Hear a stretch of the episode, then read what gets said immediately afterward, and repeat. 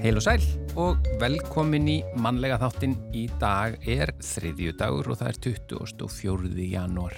Já, og nú erum við með kakó í botlunum, ekki, ekki kaffi, það er bara svo kallt úti. Já, En samt, indislegt viður, það er nú ekki hægt að kvarta. ég er með ka kaffi sko. Já, þú ert með kaffi. Já. Já. Ja. Klængskirkja í Skálholti brann þegar eldingu laust niður í stöpulinn á þessum degi 1309. Séra Þórður Einarsson var dæmdur frá prestskap í Hítardal í svonendum Hítardalsdómi á þessum degi árið 1530. Hann var sagaður um barnegnir í frillulífi, skemmt á Skálholtskirkju, slagsmál við annan prest og óhlýðni við Ögmund Pálsson biskup. Það er ekki Það er annað. aldrei lis. Og þetta var 1530. Já, Napoleon Bonaparte, hann var kjörinn forseti ítalska líðveldisins á norður Ítalíu á þessum degi 1802. já, Ítalju, já, líka. Hann, hann bara tegði sig út fyrir allt. Já, já, hann var, já, þó Já. hann hef, hefði nú ekki verið hár í loftinu, þá gæti hann tegt sér svona. Já, já, faðmur hans náði víða. Uh, Gullæðið í Kaliforníu hófst uh, á þessum degi árið 1848 með því að James tvöfaldvaf Marshall fann gull í Kólóma. Og kirkjan á Hvanneri í Ísiglufyrði stendur hérna, e, fauk af grunninum og hafnaði á hliðinni í kirkjugarðinum. Þetta var 1855. Fjórar konur voru kjörnar í bæjastjórn í Reykjavík á þessum degi árið 1908 og þetta var í fyrsta sinn sem konur höfðu almenn kostningarétt eða hafði, höfðu almennan kostningarétt í sveitastjórnarkostningum. Fyrsta Apple Macintosh tölvan kom í Verslanir 1984. Jón Páll Sigmarsson vann titilinn sterkasti maður heims í fyrsta sinn uh, á þessum degi árið 1984, þá 25 ára gamall. Og svo var það Ólafur F. Magnússon sem tók við ennbætti borgarstjóra Reykjavíkur á þessum degi 2008. Og yfir í efni þáttarins í dag, Dagbjörn Jónsdóttir lagfræðingur hefur síðastliðin ár verið að þróa á hanna bók fyrir fólk sem vil halda utanum fjármálinn sín með skipulöðum hætti. Og í hverju mánuð eru áskoranir til að takast á við eins og, eins og hún segir og, og sem að gerir þá verkefnið en skemmtilegra líka eins og hún segir. Bókin heitir Fundið fjö, njóttu ferðalagsins og hugsun dagbjartar með bókin er að fá lesendur með sér í fjárarslegt ferðalag þar sem að það var yfirsýn yfir fjármálun sín á einungis 5 mínútum á dag. Já, Hún ætlar að útskýra þetta betur fyrir okkur hér eftir örfáar mínútur. já. Einmitt eitthvað svona í upphafi ás sem fólk, það Já, eru já. margir að hugsa einmitt uh, um að taka fjármálinn sín í gegn og, og ímislegt svona bæta og laga. Nú sunnudaginn 27. janúar 1907 komu saman nokkrar konur að þingkostræti átján í Reykjavík heimili Bríetar Bjarnheðisdóttur og tilgangurinn var að ræða stopnun fjarlags sem gengist fyrir ýmsum breytingum á lögjölandsins sem snerti konur og börn og framkvæmt lagana eða eins og segir í annari grein fyrstu lagafélagsins að starfa að því að íslenskar konur fái fullt stjórnmála jafnrétti á við karlmenn, kostningarétt, kjörgengi, svo og rétt til embætta og atvinnu með sömu skilurðum og þeir. Og hvernig þetta félag Íslands sum sé fagnar 116 ára afmæli sínu uh, núna þá á förstu daginn og uh, við ætlum að ræða við framkvæmda stýru félagsins Rut Einarsdóttur hér og eftir. Já, og svo kemur Elin Björk Jónasdóttir, veðurfræðingur, eh, til okkar í dag í sitt vikulega veðurspjall. Og í dag ætlar hún meðal annars að ræða við okkur um gömlu vindorðin, gólu og kalda og stinningskalda og rók og, og hvað þetta allt saman heiti sem eru ekki notuð eins í dag og þau voru. Nei, einmitt. En við byrjum á Littlu músinni eh, eftir Jóhann Helgason og hann syngur.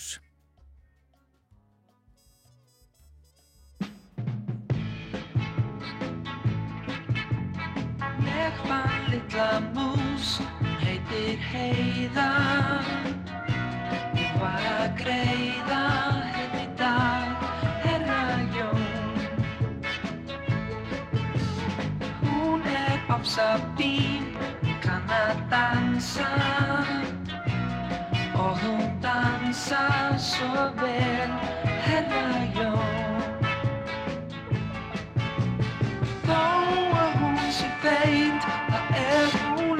hún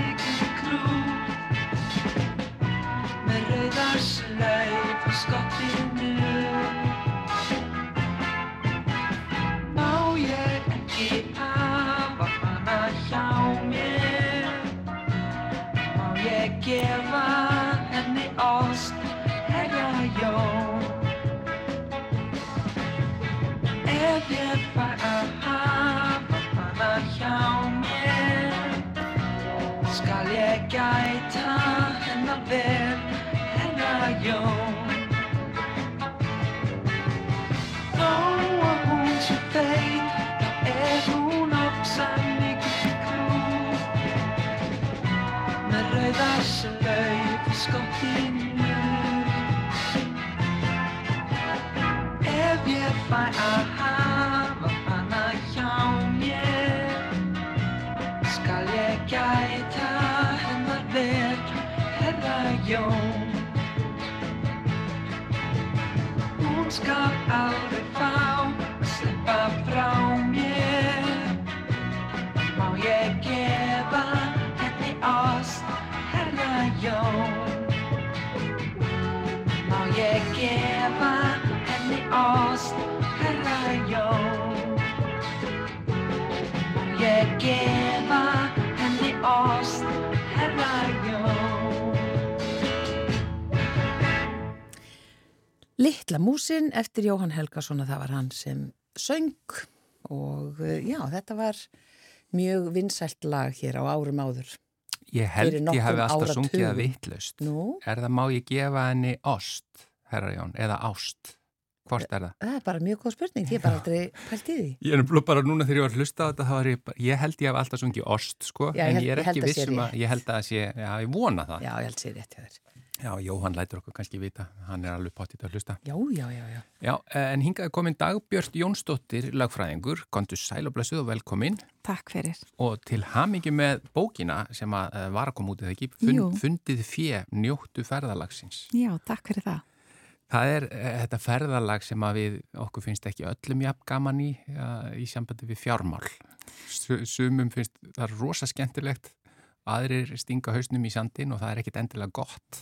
Nei, og hérna, og einmitt, þetta er svolítið fjárhagslegt ferðalag sem að þarf að fara í og, og þarf alls ekki að vera leðilegt verkefni. Þetta getur þvert á móti bara orðið hérna mjög spennandi og bara geðastunda að setjast með fjármálunum sínum. Hvernig, hvernig eh, að þetta, þú byrjar á því að gera þetta bara sjálf með þér eða ekki? Hver er Jú. svona þín saga í þessu? Já, í raun og veru, hérna, ég held að við séum öll að reyna að finna hérna fullkomnilegði til þess að halda utanum fjármálun okkar og einhvern veginn hérna fullkomna þessi mál. Uh, ég fann að ég var búin að reyna að halda utanum þetta hérna, veist, meira í Excel í gegnum einhver smáfórit og svona var einhvern veginn ekki að fungera og að henda mér þannig að ég fer svona frekar í, í hérna, bókina, svona mikið dagbókakona og finnst það að skrifa hlutina niður.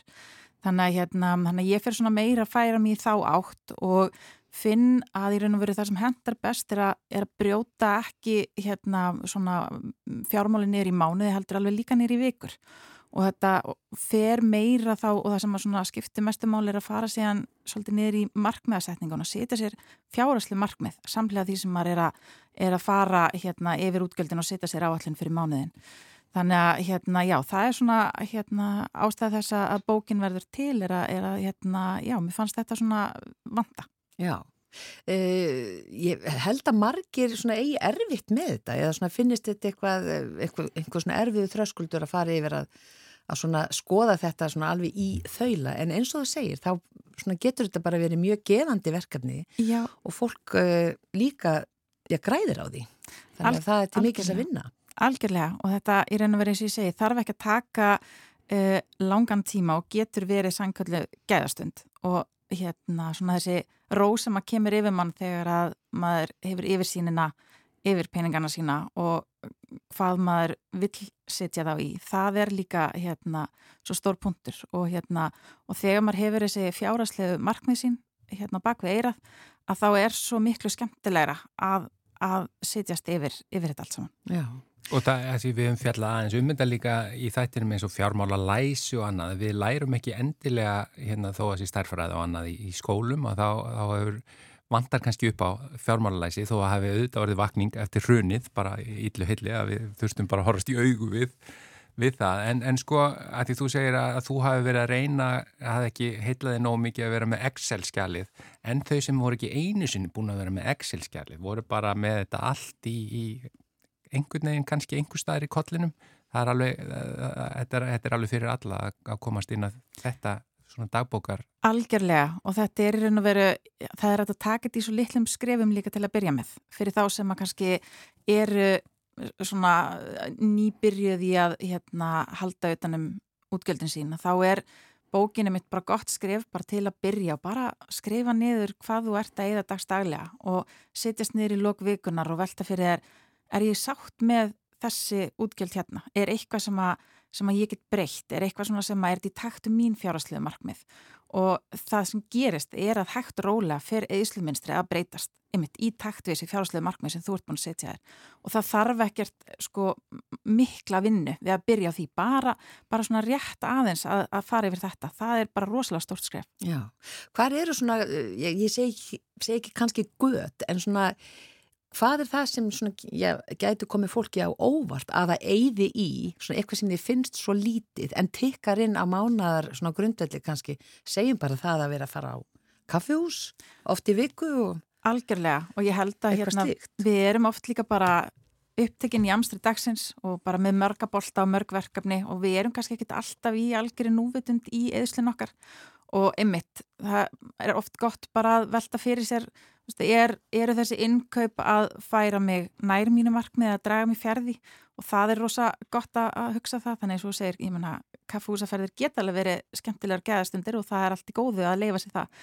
En það þarf þá að vera einhver meðvituð ákverðin já, að það sé ekki á hverjum degi. Já, algjörlega Og þessi bók, hún er sko, til að byrja með er hún bara svaka falleg. Og veist, það nú verður eiginlega held ég að vera til að allan að ég myndi taka svona upp. Því að ég, eins og ég segi, ég er, ég er sem sagt einn af þeim sem er ekki búin að skrá neitt svona Nei, niður sko. nei, Eh, en þetta maður skráir hérna sem sagt yfirlit útgjald og annað slíkt. En þegar maður fær svona betri yfir sín yfir og maður allt í einu átt að segja mögulega hérna einhvað sem er öðruvísi en maður hjælt og, og langar jafnvel að breyta. En ertu með líka þá alls konar ráð Uh, já, við, ég er með, semst, í bókinni er, hérna, er hugveiki alltaf í lókmánarinn sem að er svona fengið til fyrir þið til að velta fyrir sér svona hvað má betur fara og svo líka jafnframt eru alltaf mánægilegar áskoranir og til dæmis í næsta mánuð er hérna mjög skemmtilega áskoran sem heitir Eðsluljus februar sem er hérna, já, svona góð leið fyrir mann til að núlstilla sér svolítið í innköpunum þannig að hérna, þannig já, það er alls konar góð ráð í bókinni. En ég sá þetta líka á síðunni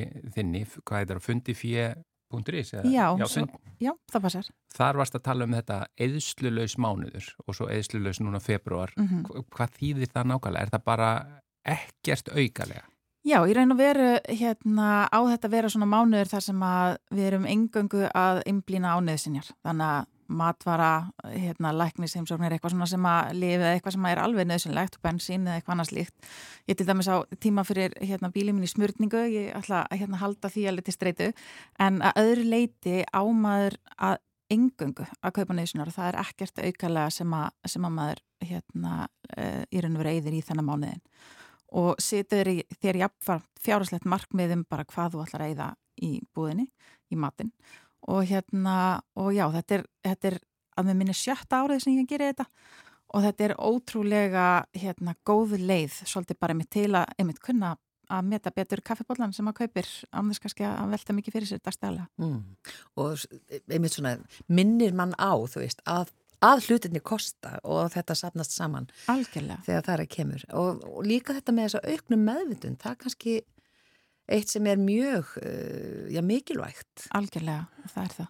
En nú er bara líka talsverður hópur af fólki sem bara er með mjög lágartekjur og mjög lítið á milli handana Mhm. Eh, og, og sko, þú veist að því þú ert að tala um engin eðsla og það er bara, það er alveg hópur sem að bara, eh, það er hvað sem er engin kostur Einmitt. eh, að fara út í slíkt. Er, er, er svona bók að hjálpa fólki sem er með það, það lítið á milli handana? Sko bókin er náttúrulega hugsuð fyrir fólk til þess að hérna, finna leiðir til þess að draga úr útgjöldum með því svolítið að rýna í það sem er ræða nú þegar. Þannig að hérna, þetta er svona tól til þess að geta svolítið átt að sjá hérna, styrkleikum og veikleikum svolítið. Þannig að, þannig að því leiti virkar hún vel. Já, já. Þetta er bara, uh, við bendum þá á, uh, það er fundið fíja.is, það er þetta að skoða, fá smá fróðleik Já, bók- og svo inn á Instagram líka er ég með hérna svona mikið fróðleik og skemmtefni þar, fundi fyrir. og, og undirtitillin njóttu ferðalagsins, þannig að það er hægt að hafa gaman að þessu líka. Svo sannarlega. Já, Dagbjörst Jónsdóttir, lagfræðingur, bara til að hafa mikið með þessa bók og takk fyrir komin í manlega þáttin. Kæra þakkir.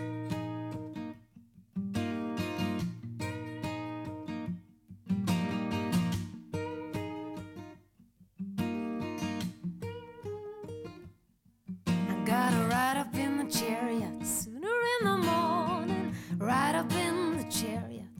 I gotta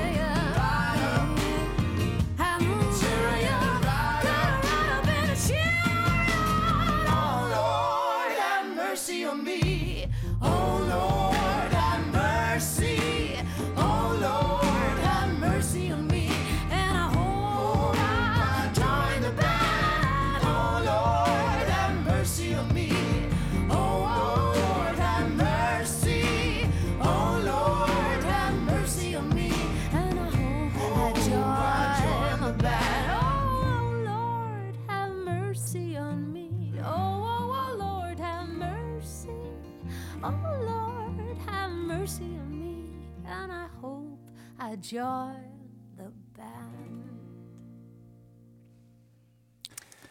Þetta er, er hún norsk, Guðrún, Já, já, Kristín Asbjörnsen. já, Asbjörnsen. E, þetta kom út á svona samdisk með djasslögum, svona helstu djasslögum þess árs. Það ekki að vera 2000 og, já, 2008. Myndið þú segja Jazz from Norway eða Jazz? Jazz segir Já. í Nóri, en ef þú var í Nú? Svíþjóð þá myndir segja jazz. Já, ok, já, já. Að Þú segir eh, ekki jazz, þetta er kannski norsku frambyrður, en jazz.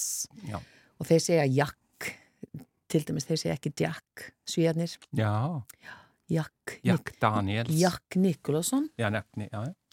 E, við sögum ykkur hér upphafi frá því að á föstu daginn þá fagnar Kvennirtindafélag Íslands 116 ára afmæli en það var einmitt eins og við rivjum upp sunnudaginn 27. janúar 1907 sem nokkrar konur komu saman á heimili Bríðar Bjarnhéðsdóttur og tilgangurinn var að ræða einmitt stopnum þessa félags og Við fórum aðeins hérna yfir þetta að starfa því að íslenska konur fái fullt stjórnmála jafnrétti á við karlmenn, kostningarétt, kjörgengi, svo rétt til embætta og atvinnu með sömu skilirðum og þeir.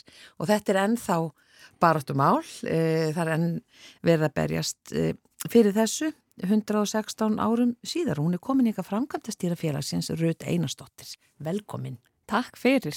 Ef við kannski bara byrjum á uh, því að halda afmælið með formlegum hætti á föstudaginn. Já, mikið rétt í yðnó í hádeginu, þess frá 12 til 1. Við ætlum að bjóða upp á léttar veitingar og ætlum einmitt að fara aðeins yfir söguna og heiðra hérna, látna hei, heiðursfélaga sem að letu sér fyrra en það voru tvær sem að fjallu frá því meður. uh, mjög merkilega konur á Björg Einarsdóttir og Sigurður T.H. Erlendsdóttir sem hafa gert rosa mikið fyrir konur á Íslandi og jafnirétti um, og svo ætlum við um að tilkynna þrjá nýja heiðursfélaga. Já, og má segja hverjar þær eru. Já, það eru þær Ester Guðmundsdóttir, Kristín Ástgersdóttir og Jóhanna Siguradóttir. Já, og þær eru þá, ég heiðraðar með einhvern svona formlegum hætti eða svona bóna velkomnar. Einmitt, það, þær eru allar félagar hjá okkur í hérna kvenréttafélaginu um, og ætlum að gera þær að heiðursfélögum fyrir framlagsitt til baráttunar á Íslandi. Já, Og þá bara hverja á sinn hátt. já, akkurat. E, svona hvað, hvað annað ætli því að, að hérna gera í tilöfni uh, amarsins eða svona hver er, hver er venjan? Já, það er nú misast hvað hefur verið gert. Við höfum svona reglulega emmitt, haldið upp ámali með pompu og prakt um, og núna emmitt ætlum við að hafa þetta bara svona frekar á léttunótonum emmitt, bjóða upp á léttar veitingar og bara koma saman, það er svo mikilvægt líka að öll þau sem hafa áhuga á uh, hvernréttindum á Íslandi að við bara komum saman og höfum gaman líka. Þetta er oft erfið bara átta en það er snæmið, má maður alls ekki gleyma því að hafa gaman líka. Þetta er indislegur félagskapur oftast sem maður er í og það, það er það sem gefur manni mesta styrkin til þess að halda áfram. Já. Og þetta félag er búið að lifa í þessi 116 ár. Hver, svona, hver eru helstu kannski bautasteinar sögunar? Já, bautasteinar, hú, það er orð sem ég hef ekki heyrt lengi. En, um, uh, já, það er náttúrulega einmitt, það er hana, stopnað 1907 og svo var það þegar að að loksins náum að fá kostningarétt fyrir allar konur á Íslandi og að þær getur búið sér fram til embætta. Um, svo hef, það var rosa löng og erfitt bara átt að, ég menna við sjáum það einmitt að þegar að Jóhanna Sigurðar kemur á þing, hvað var það, 1978, þá er hún ennþá bara eina fáum konum á þingi. Já. Um, það var rosa lengi sem að var ennþá langmestur meiri hluti Karla á þingi. Um, þrátt fyrir einmitt að það væri komin sem sagt að konur mættu bjóða sig fram og þær voru að bjóða sig fram en það bara einhvern veginn gekk brösulega þanga til að konurnar í kvennalistanum komu fram um, sem breyti rosa miklu. Já, það breyti mjög miklu. Já. Já. Um, og einmitt Kristín Áskers sem við erum að heyra núna, hún var eina af þeim konum um, mjög gaman að því og svo hefur þetta svona núna í setni tíð gengið hraðar, þú veist það með þannig að fyrstu jafnaréttislögin voru 76 um, en hafa verið endurbætt síðan og síðast núna uppfært 2008 og svo 2021 þegar það bætt við um, sem sagt hlutleysi kynskráningu um, og, en það er ennþá mjög langt í land og eins og þú segir þetta sem þú taldur upp áðan sem við erum berjast fyrir það er bara jafnrétti kynana við erum ennþá langt í land og sérstaklega kemur að launamismunni og öðru og við bara sjáum það líka bara á orðræðinu í samfélaginu oft núna. Það er, já, Og þetta er sko að því að miða við allan markmiðin hann frá 100, eða fyrir 116 árum, þá er þetta bara, þú veist, þá er þetta svo bókstaflegt. Að er verið að berjast í rauninni gegn eh, lögum, það er að segja að breyta lögum og það bara, að það bara er ekki kostningaréttur og það bara voru ekki lagalega á sama stað, en núna er þetta meira kannski falið eða meira ekki, ekki alveg orðað eða hvað. Já, að vissu leiti um, en það eru ennþá lög sem maður þarf að breyta um, það er þá sérstaklega eða kannski frekar skulle segja framkvæmt lagana það er þá sérstaklega þegar kemur á kynferðisbrotamálum. Sjáum það ennþá að það er rosalega lágt hlutfall sem bara næra fara fyrir rétt. Um, þau eru lengi að ganga í gegn. Mörgmál einfallega fyrnast. Án þess að fá nokkuð tíman hvorinnar fái nokkuð tíman að einu sinni fá málið sitt fram, bara að fá að segja sína sögu fyrir, fyrir rétti. Um, og þau mál sem komast fyrir rétt þau eru, eru mjög lága, lágt sakfellingar hlutfall um, lágir dómar þá sem að falla þegar það er falla þannig að það er rosalega margt sem að má ennþá bæta þegar kemur að lagaframkvæmdini Já. Og það bara gengur ekki hraðar en þetta. Nei. Einmitt og svo þegar það er verið að semja ný lög núna eins og ef við tölum um útlendingafrumvarpið sem var nú fyrir þingi bara í allan gærdag um, það hefur ekki verið ennþá gert jafnirættismat á því en það er fyrsta grein jafnirættislaga að það eigi að vera jafnirættismat á öllum frumvörpum sem koma fram á öllum lögum um, svo það er ekki ennþá alveg verið samt að uppfylla jafnirættislögin þótt svo þau séu til staðar Það er ekki nóg að breyta lögunum heldur þar bara að fylgja því eftir að þeim sem framfyllt. nákvæmlega Já. Og þið skrifið, það er Kvennutindafélag Íslands, eh, þið skrifið umsagnir um lagafrumvörp og ofinbera skýslur Já, og, og svona þe- þið eru með málþing og fundi og annað. Þannig að um, það er alltaf, já þetta heldur endalist áfram. já, því miður. það, einmitt, það, ég meina þetta er frábært að vera í þessu starfi og gott að geta lagt til uh, málana þar, en það bara væri óskandi að það styrt ekki, að við myndum loksins ná fram í afturrætti. Um, en þanga til að það næst, þá bara munum við halda áfram sterkar og jafnvel, og eins og við höfum séð bara eins og í Bandaríkjónum og Pólandi og viðsverum Evrópu að það þótt svo einhver réttindi séu komin þá er alltaf hægt að taka þau tilbaka. Já, það er alltaf eitthvað bakslag. Já, svo við þurfum ennþá að standa bara standa vörðum þau réttindi sem við höfum náð fram. Og eru þið í miklu sambandi við uh, sýstursamtök út um allan heim? Já, við erum bæði hluti af European Women's Lobby sem eru stæfstu hagsmunasamtök hvernreitindafélagi í heimi. Þau eru mjög sterk, svo erum við líka hluti af International Women's Alliance. Það eru alþjóðleg samtök sem er einmitt gaman að segja fyrir því að Bríett Bjartíðistóttir fór út og hitti þær og í kjölfari stopnaði hvernreitindafélagið. Já. Um, og svo erum við með, er að fara núna til Svíþjóðar í byrjun februar að tala á ráðstöfni í Malmö sem er haldinn þar árlega um jafnirétti í Svíþjóð og þau eru með svona norrænt þema á því núna um, þannig að við erum alltaf að halda líka í tengslinn emitt við sýstur félag okkar á Norðurlöndunum og víðar. Já. En hvernig líst þér á sko núna, bara stöðuna núna og ef við horfum aðeins fram, fram í tíman, ef við skoðum yngri kynsluðunar, eh, ertu bjart sín á, á að, að því að þetta er svo margt sem að þarf í rauninni að breytast bara í hugsunarhætti, eh, ekki bara lögin, fyrst að þau eru að því það þarf að framfylgja þeim og, og bara þetta snýst svo um, um, um líka hvernig kallar, eh, það er bara, það er þannig, hvernig kallar takast á við þessi mála því að það hefur náttúrulega staðið á því gegnum tíðina. Hvernig, hvernig bara lítur á núna fram í tíman? Já, það, það er alltaf að vera bjart sýt sko. Og Ég, ég er það. Ég bara sé það, finnst við þurfa að vera breytast. Um, bæði mitt, uh, nú er ég þrítug, ég sé mun á uh, bara kynsluðinu minni og kynsluðu fóreldra minna og þá hvað á ömmu og afa. Og svo þegar ég horfi á ennþá yngri kynsluðina sem er bara allir um mentaskóla aldrei eða grunnskóla núna og þá er ég mjög vongóð og ég bara, já, hef miklar vendingar til þeirra. Og þá er einmitt mikilvægt, ég menna það er búið að aukast núna allir um kynjafræði í sérstaklega mentaskólum og eitthvað í grunnskólum.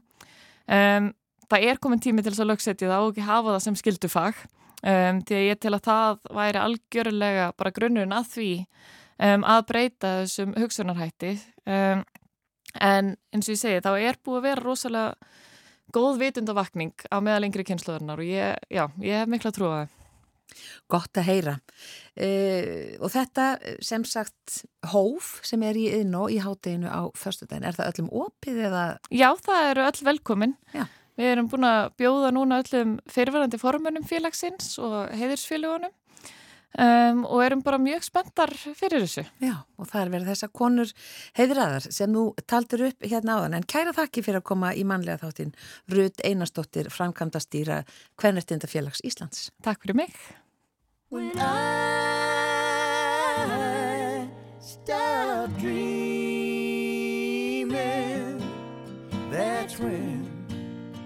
I'll stop loving you. Well, the worst that I ever been hurt in my life, the first time I ever have wanted to die was the night when you told me you loved someone asked me. If I could forget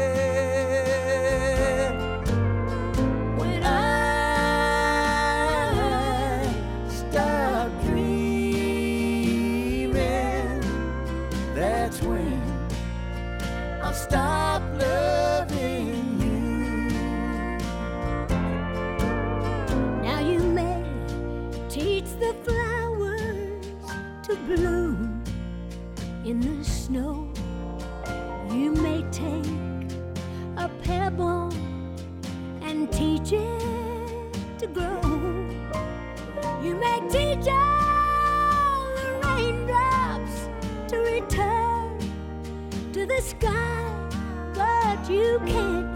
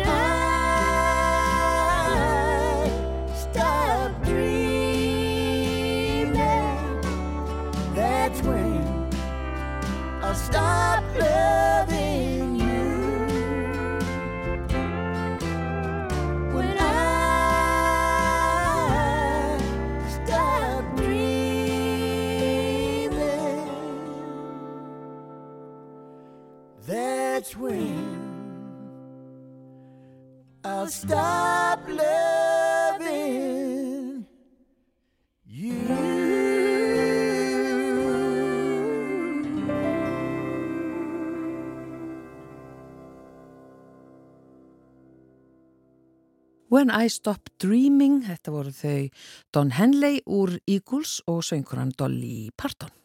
Já, uh, hingað er hún komin Elín Björk Jónasdóttir veðurfræðingur veður spjallið er komið af stað. Það, Já. bara, það er komið af stað Komið núna. af stað, góðan dag. Já. Já, Þú ert að dropa á gleru honum. Það Já, er já. regning úti núna. Það er regning og ég er dúnúlpunni og bara blotnaði gegnum leið, ekki gott. Já, heyrðu, þá hefur nú reglífin komið sér vel. Hún hefði komið sér vel. Já, Já, en það er ennþá sem sagt uh, hláka. Það er hláka núna, Já. já. Nú erum við komin í svona lagæðagang þar sem að við fáum sennilega sko rigningu og slittu og snjókomu og slittu og rigningu og slittu og snjókomu eitthvað til skiptis. indist. Næstu vikur. Næstu vikur? Já. Já. En maður þarf að fara að valega þá. Við bendum bara að það Mjög er mjög hált Já. núna úti sko á göngulegðum. En þá spyr ég, en fer þá þessi snjór, fer hann og klakin og þetta, eða verður þessi klaki viðverandi? Ég held að fólki finnist hann nú kannski erfiðastur. Já, það er ekki orðið alveg nógu hlýtt til að klakin taki, taka alveg, taki alveg upp, sko, eða klakan taki alveg upp. Um, þetta fer auðvitað smám saman, sko. Ég sá að það sem ég var að renna á í gær fyrir framann vinnustæðin minn, Já. sko, er farið í morgun, Nú, en nú. svo kannski kemur þetta aftur. Ég var lappaði heim í gær og, og sem betur fyrir að meira og minna niður í móti þannig að ég, ég fór svolítið hratt sko en það var pínu, ég var skítrættur sko Já, já, og þetta var var- svona lítil stífskreft Já, ég var orðin svona svo mörgæs bara, maður verið að fara í Já, það, er mörgæs skref mörgæs að skrifin. Já, þetta er stórhættulegt. Já, já. En við vorum að tala aðeins um glitski uh, um daginn og þú fegst einhver, það gerðist eitthvað þú varst að tala um að hvað hefði verið lí, lítið Já, um við vorum semst að tala um skort á glitskjum í síðustu viku og, og hérna auðvitað vildi þá þannig til að þau byrtist á norðanverðu og austanverðu landinu bara um helgina. Já. þú hefur þessi völd. Og hérna sem að auðvitað sko, ég var mjög afbrísum út í Norrlendinga og östferðinga og, hérna, og þau á þeim slóðum að sjá þetta þetta með berum augum en fekk mikið af myndum, þetta var alveg gullfallegt. Já, þetta var ekki sem sagt hér Nei, við sunnan. sáum þetta ekki hér, hér var skíjað og, og regning Já, Já. Já. Það var engin ský þar sem ég var, en það er nú önnur saga. Það er nú Já, önnur ekki saga. einu svona glitski Nei. Eh, Engin ský. En, en það, þetta gerist er það ekki þegar verði eitthvað svona fyrirbriði og eitthvað, þá færð þú bara að senda dopi af myndum. Stundum, já, Já, sem er bara skemmtilegt er það ekki? Jú, jú Og hvað gerur? Segir bara takk fyrir? Takk fyrir, eða- já, eða- já. Ég, ég fikk svo mikið að fallegu myndum e, núna og svo fikk ég til dæmis myndir frá sko og, þá sendi ég tilbaka og spurði hvort ég mætti kannski nota þetta í hérna einhvern post frá veðistofun einhvern tímann og fekk Já. leiði til þess þannig að maður bara byggir upp, upp svona gagnabanka. Já, Já, þannig að þetta geim, þið, geimið þetta. Já, já, svona fallegustu myndirnar allavega. já. En er von á einhverjum svona fleiri glitskýjum eða svona þessum aðstæðum? Nei, nú sko það þarf að vera svo óbúslega kallt í, í efrilögum andrúsloftsins uh, til þess að þau myndist og þau geta alveg sést svona eitthvað, eitthvað fram eftir uh, janúar og kannski februar og, og það eru svona hérna uh, kenningar um það að, að eldgóðstöði í Honga Tonga sem að var það síðast ári að það hafi sagt náð að spreyja nógu miklum sko ögnum upp í heiðkvolfið þar sem að glitskinu myndast þannig að til þess að auðvelda þá myndum glitskja núna en við sjáum auðvitað ekki hvort að það verða óvenni mörg eða mikil glitski fyrir hann að veturinn er liðin. Þannig að eldgós bara einhverstaðar allt annar staðar á hnettinum hefur þessi áhrif jafnvel fyrir okkur. Já og, og þetta sko litrika sólarlag sem við höfum séð núna kannski síðustu viku, ofabáslega mikið appelsinu guld. Já, Um, það er líklega vegna þess að það eru agnir í heiðkólfinu einmitt frá, frá þessu eldgósi sem eru núna, semst því heiðkólfinu gerist allt rosalega hægt því það er eiginlega engin vindur. já, já. Uh, en þau hafa breyðist núna nattrænt út sko og, og gætu haft áhrif. Talandi um vind. Talandum vind. Já, þú ætlaðir aðeins að fræða okkur um, um hérna því að við, við erum við hægt að nota þessi gömlu vindorð. Nei, við nefnilega notum þau svona með, en það sem við gerðum þarna 99 á veðustofunni, eða veðustofan gerði, ég, ég hérna mætti í sumarvinnu bara eiginlega daginn sem var tilkynnt, nú leggjum við að vindstig og tökum upp metra á sekundu Mm og þau geti ímyndað ykkur gleðina hjá landanum við, Já, við ég þær man bara, breytingar. maður var búin að þú veist leggja það á sig að læra þetta því þetta var líka Já. svo flókið í viðfréttunum að það voru, þú veist, ef það voru hvað, 12 vinstig, það voru samt bara 6 strík. Já, Þú veist, maður þurfti að reikna alltaf. já, já, Já, fimm, fimm, já, já, Já, já. En hérna, sem sagt, eh, það var aflagður þessi bófort kvarði þarna 99, uh, gamli sem, sagt, sem fer upp í 12 vindsteg. Og hérna, og hann er sko hannaður árið 1806 af sjóliðsfóringja breskum og hann skilgrendi sko vind út frá sjólægi. Mm Þannig að hann var bara á sinni seglskútu og bara ef að seglskútan gat ekki silt, þá var null. Já, að það var bara engin. Að það var engin vindur Já, já, já. þú veist, það var logn. Og svo hérna heldur þetta áfram og, og hérna og þetta er svona allt frá rétt nægilegt til að stýra í, í tólvindstig sem var hérna ekkert segl getur staðist þennan vind. Og hann fór auðvitað ekkert herra vegna þess að það var ekkert eftir það. Það er ekkert meira ekkert segl getur staðist, sem sagt, 1806. Já, E, þetta var svona alþjóðlegu kvarði og, og hérna og síðan var hann aðlagaður að aðstæðum á landi e, á sjötta áratu 19. aldar segir hér, ég fann eitthvað um þetta. Um, og síðan eftir að við fáum sko vindmæla þá er farið að binda sagt kvarðan við sko snúningin á vindmælunum. Um, þannig að þetta er svona staðlað einhvern tímann eftir fyrra stríð um það byll og hérna og síðan er þetta svona breytt lítilega en það sem að var kannski erfitt við þetta var að sko þegar við gátum fyrir að mæla uh, mjög nákvæmlega þá var þetta allt of vítt af því að eitt vindstig er ákveði vindabil og þegar við vorum að meta vind bara svona með því að horfa á hérna, stráin þau leggjast niður eða ekki sko, mm. að þá er ágætt að geta sagt að þetta er um það bil þrjú eða fjögur vindstig já, en þegar við getum farið að mæla sko nákvæmlega í þessum SI einingum upp á bara 8,4 metra á sekundu að þá er svo vítt að segja að það eru 5 vindstig sko. Að líka bara skrítið ef að það er bara 12 og svo verður ekkit meira. Já, Veist, já, svo er það. Já, Að því svo er farið að tala um sko bara fellibilsvindstyrkin og þá erum við bara oftast farin að nota, að því það, það gáttum við mælt sko, eða getum mælt já, já. og þá erum við farin að nota hérna e, bara metra á sekundu eða kilometra á klukkstund. Já, akkurat. Það var svolítið áhugavert eh, í gær þegar maður Mm. var að hlusta á svona þessar gömlu fréttir Já, frá Vestmanni og einmitt. veðurlýsingarnar Já. og þessi orð sem eru bara svona dottin út. Já, það breytist, já, þetta breytist hérna talsvert og ég hérna er að vinna því hörðum, höndum núna orðið hríð þetta ekki út úr svona veður tungumálinu. Er hægt á því? Já, fólk vil nota hérna snjóstormur svolítið sem eru þetta bara beinþýðingur ennsku Já, en við eigum þetta fína orð hríð yfir þetta. Þannig að við viljum helst halda því inni. en, en það líka að því, sko, vindstig eða ekki, hérna, Mhm. hraði á sekundu og það, en, Já. en svo einmitt orðin, þau Já. þýttu eitthvað sérstak. Já, svo nefnilega eru þau svo falleg sum sko, náttúrulega andvari, kul og góla Sem að var hvað þá? þá sem sagt logn er 0 Já, uh, vindstig. Já. Andvari eitt vindstig sem eru þá sko 0,3 til 1,5 metri á sekundu. Næstu því lokn. Já, og kul uh, eru sem sagt uh, tvö vindstig, það eru 1,5 upp í uh, 3,3 metrar á sekundu sem eru aftur 4 til 7 kilometrar á klukkustund. Þannig að þið veitir, þetta er svona, það er að fara svolítið svona víða í þetta. Svo komum við hérna góla, stinningsgóla, kaldi, stinningskaldi, allkvast, kvassviðri, stormur, rók, ofsaveður og farveðri. Þarna kemur ljós líka að sko stormur er minna en rók. Já, þetta rugglar held ég. Þetta ruggla svolítið núna. Já, Við það reynum að halda þessu við. Fara aðeins aftar, það var annað sem að, eða eru nokkri hérna hlutir sem að, Já, þú veist, e, hvað kemur andvari? sko það kemur andvari, kul, góla, stinningsgóla, já, já. svo kemur kaldi og stinningskaldi. Líka bara kaldi. Þetta er bara svo falleg orð. Já, Já. þetta, þetta er rosa fallið orð, en mér finnst kaldi, ég veit ekki, ég allan setti aldrei alveg mm, sama sem merki við vind, sko. Nei, akkurat. Veist, Em. hérna, að, Það er svona, ég held að sko, einmitt ef við hugsum hérna að þetta er gert á sjó, sko, að kaldi eru sem sagt 5 vindstig, þetta eru 8 til, til 10,7 metrar á sekundu og þá er maður svona farin að finna kannski fyrir kælingu, sko, á bát, ef þú ert að opna um báti og það Já. er orðið þetta, þetta kvast, að þá ertu farin að finna svolítið mikla, já. mikla kælingu, þannig að það er svona kaldi. Já. Veistu hvernig kom til að rók var meira en stormur? Nei, Af því að einhvern veginn, já, í, í margra hugum er það öfugt. ég held þetta sé svipað og hérna ágætis einhvernir betri Já, en góða einhvern.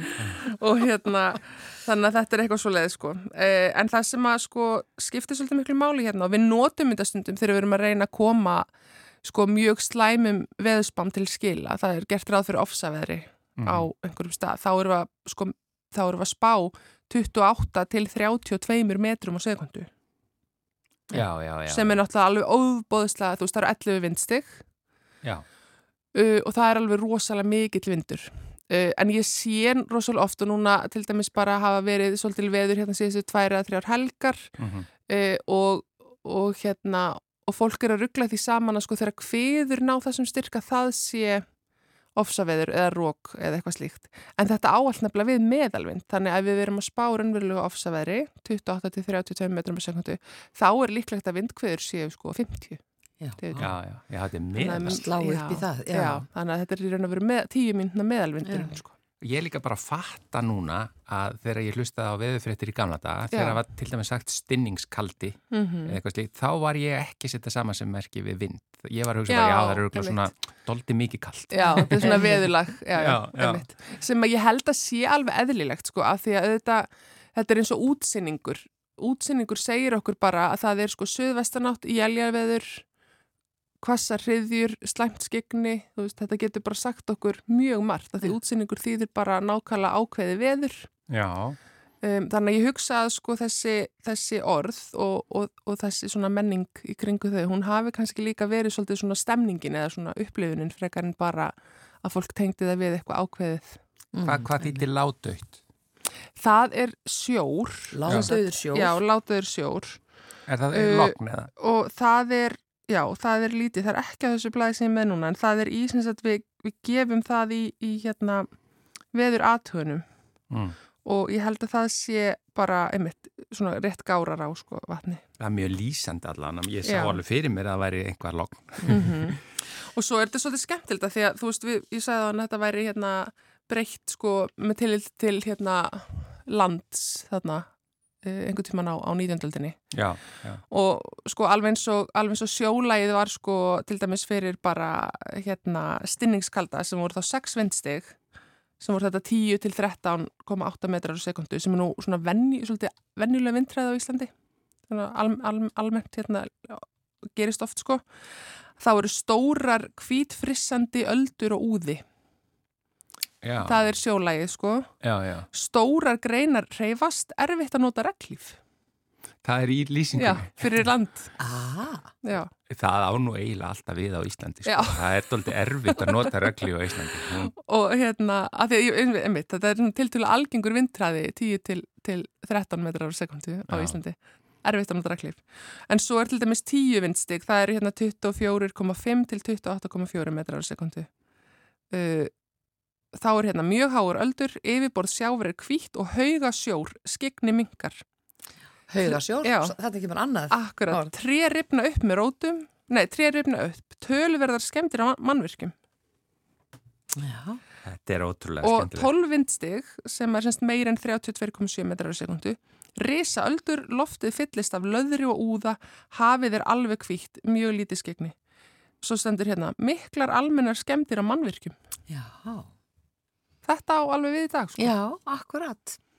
Eh, að því að við erum oft svona að reyna að fá uh, upplýsingar frá þér um svona langtíma eða svona hversu langt þið sjáuð Já, fram í Mm. tíman þið veðurfræðingar Mhm. en uh, þið hefum ekki kannski verið mjög svona vilju til þess að Nei. upplýsa um það af því það er bara betra að gera það ekki þegar við bara brent ykkur á því Já og við, svona, við sem að sko höfum kafað svolítið ofan í óvissuna sem fylgir þessum langtíma líkunum sko við vitum hversu mikil hún er og mér hefur að minnstakosti ekki ennþá tekist að sko miðlenni nóga vel til þess að ég halda þessar spár séu almennt nótæfar fyrir almenning. Já, akkurat Þannig að ég þarf að vinna í því. Akkurat, en, uh, en hvað sérðu í langtíma spáni? Ég hef bara, skal hvíslaði viðkjöna bara það að ég hef ekki skoðað langtímaspána Nei. núna. Ég geri það ofta ekkit endilega í janúar og februar þegar er svona mikill lagagangur af því að ég held að það sé ekki endilega mikið að marka og ef að það er spá um rosalega gott vor framöndan sem síðan klikkar þá er það náttúrulega hræðileg vonbreið þannig Já, að það það er betra að fara ekkit að Akkurat þangað sko. Já. Þess er nú gott að fá þið bara einn í hverju viku þannig að við bara nálgunst alltaf meira og meira hvað páskaveðrið, svo Einmitt. vorveðrið Já, en þú varst nú búin að segja að næstu vikur þá verður þetta svona Virðist, umhleypingasamt. já, virðist vera við sem kom, komin svolítið í umhleypingarnar. Hæðin er komin miklu lengra á norður og, og hérna og, og sem sagt, er ekki lengur fyrir staða fyrir læðunar þannig að Já. við erum stöldið því allavega enn sem komið er. Það eiginlega leiðilegast við þetta er bara einhvern veginn að maður kemst ekki út að labba Já, eða ganga, ætla ég að einmitt. segja. Mannbrotar.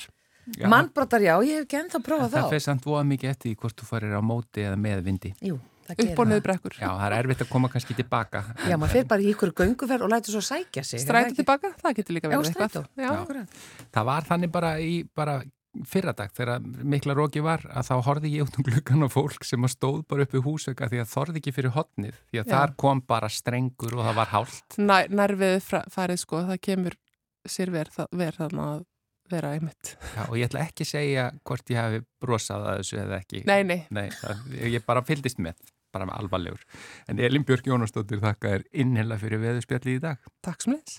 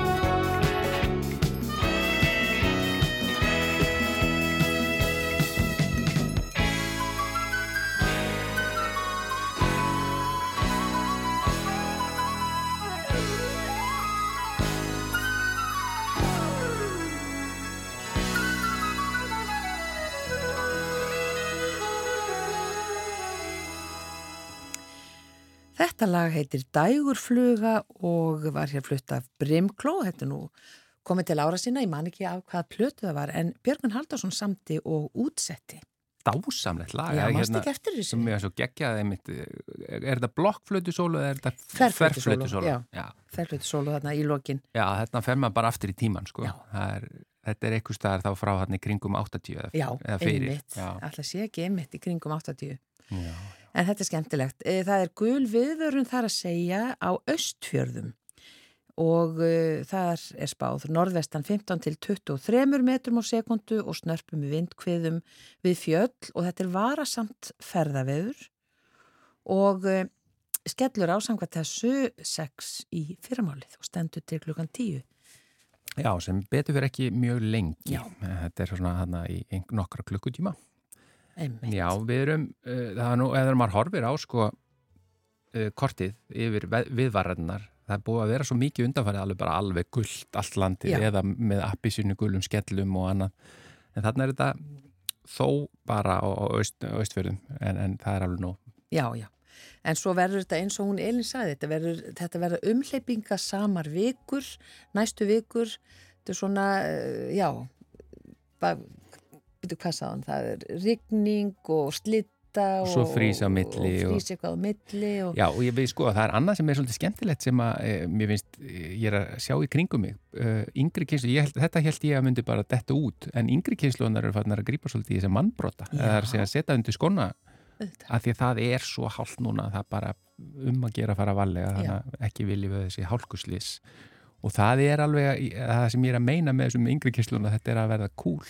Já, Já, þetta er ekki hallarslegt. nei, það er alveg hægt að gera þetta bara einmitt kúl. Já, mun hallarslegra að detta og meiða sig. Já, það er hundleðilegt. Já, það er það. Og þá aftur ítrykka ég að því við fengum önnu sér í málfarsraðunet til að af hverju, af hverju sagt hundleðilegt. Það verður ekkert með hunda að gera Nei, því að þeir eru ekki leðilegir. það er, það er sem sagt hundraðfalt leðilegt. já, það er þannig. Já. Já, einmitt. Já, Já, en það er bara lokið í dag. Já, og bara úr því við erum komin á svona, eða sem sagt erum á þessum nótum, ef ekki bara bæta við að nota endurskinsmerki. Jú, það er ennþá dimmt. Það bara, það munar svo miklu og, við viljum í sérstaklega í þessari hálku að, að ögu fólk sjáu Já, gangandi það er, við erum alltaf flest fullorinn að minnstakosti alltaf svartklætt. Já, já, það er dökklætt, já, já. Eh, En við þökkum innlega fyrir samfélgin í dag. Verið í sæl.